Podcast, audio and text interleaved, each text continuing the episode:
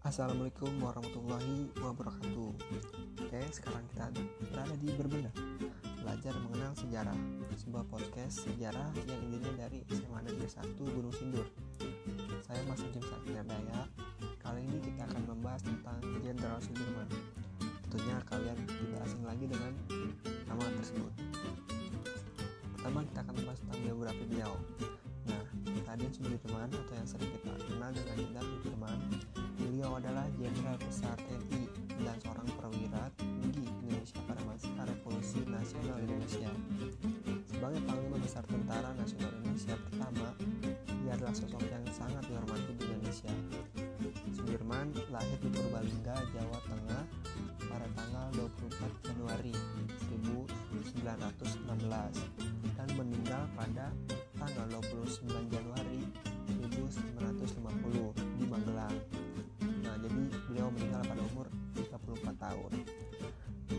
beliau bernama Karsit Kartawiraji, merupakan seorang pekerja di pabrik gula Kalibagor, ini mas. Dan ibunya Siem merupakan keturunan Medana Rembang. Nah, jadi sejak kecil Sudirman ini diasuh oleh seorang camat nama Raden Cokro Sunaryo. Sudirman tidak diberitahu bahwa Cokro Sunaryo bukan ayah kandungnya. Sampai ia berusia 18 tahun.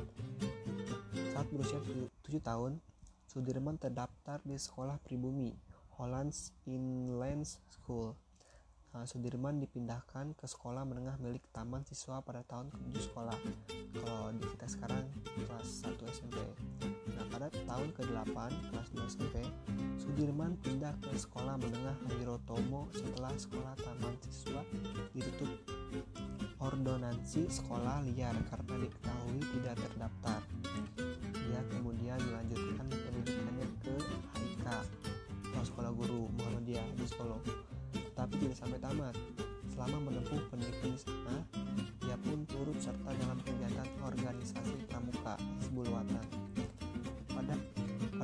Tahun 1936, Sudirman menikahi Alfia, mantan teman sekolahnya. Jadi dia cinlok di sekolah dulu putri seorang pengusaha batik kaya bernama Raden Sastroarjo. Setelah menikah, Sudirman tinggal di rumah mertuanya di Cilacap agar ia bisa menabung untuk membangun rumah sendiri. Sudirman dan Alfia pasangan ini kemudian dikaruniai tujuh orang anak, tiga orang putra dan empat putri. Nah, sekarang kita masuk ke peranan dalam sejarah. Jadi, Jenderal Sudirman ini berperan sangat penting dalam sejarah Indonesia. Nah, setelah Indonesia mengikrarkan proklamasi pada 1945, Jenderal Sudirman melarikan diri ke Jakarta untuk menemui Presiden Soekarno, sang proklamator. Menugaskan Jenderal Sudirman untuk mengawasi proses penyerahan diri tentara Jepang di Banyumas yang dilakukannya setelah mendirikan divisi lokal Badan Keamanan Rakyat. Ia lalu menjadi Panglima Divisi 5 Banyumas sesudah TKR atau Tentara Keamanan Rakyat. Perang Palagan Ambarawa kawan pasukan Inggris dan NICA atau NICA Belanda dari bulan November sampai Desember 1945 adalah perang besar yang pertama ia pimpin.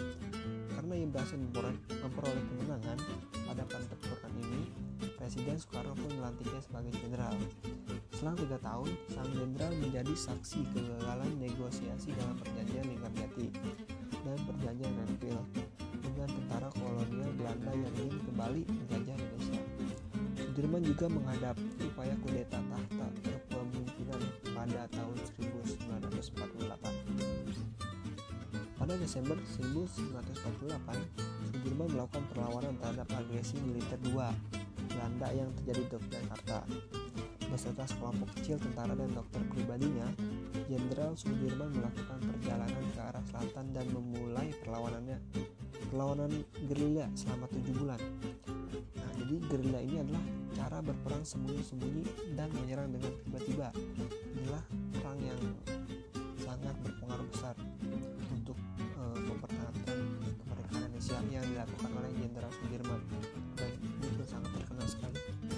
Jadi selama perang gerilya, pasukan yang dipimpin Jenderal Sudirman melakukan penyerangan ke pos-pos yang dijaga Belanda atau saat konvoy. Menjadi pos-pos penjaga yang dijaga oleh Belanda itu diserang tiba-tiba oleh pasukan Jenderal Sudirman atau saat dia sedang konvoy itu pun diserang dengan diam-diam oleh pasukan Jenderal Sudirman. Strategi perang gerilya ini bertujuan untuk memecah konsentrasi Belanda.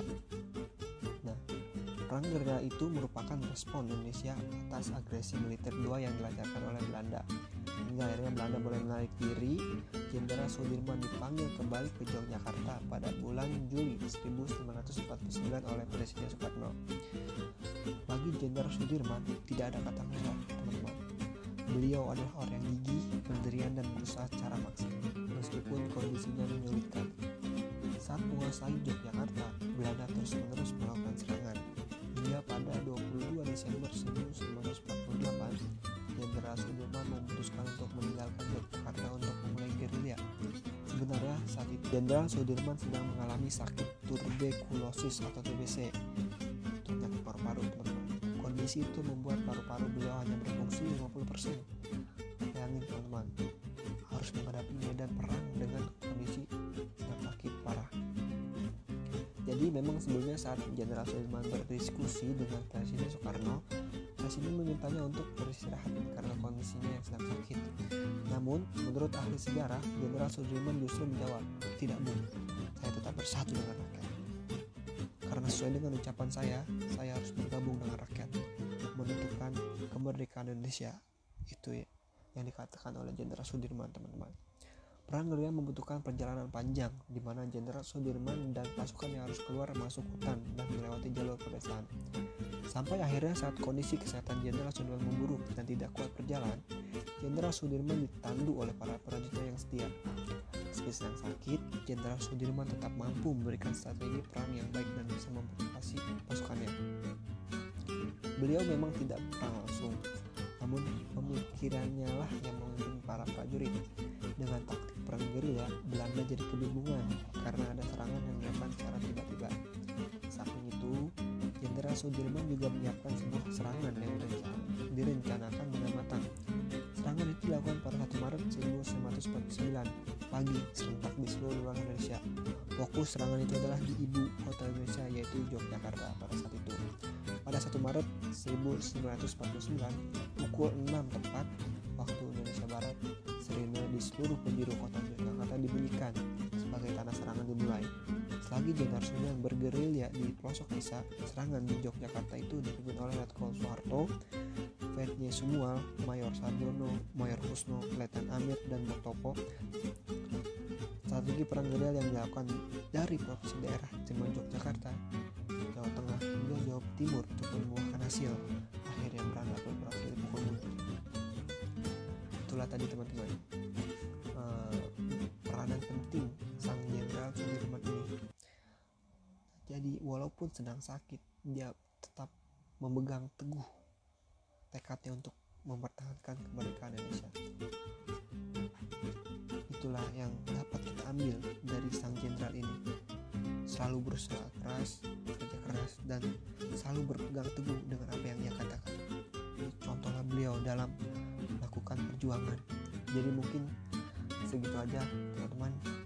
Uh, podcast yang bisa saya sampaikan kurang lebihnya mohon maaf. Uh, mungkin ada kesalahan karena ini podcast pertama saya. Wassalamualaikum warahmatullahi wabarakatuh.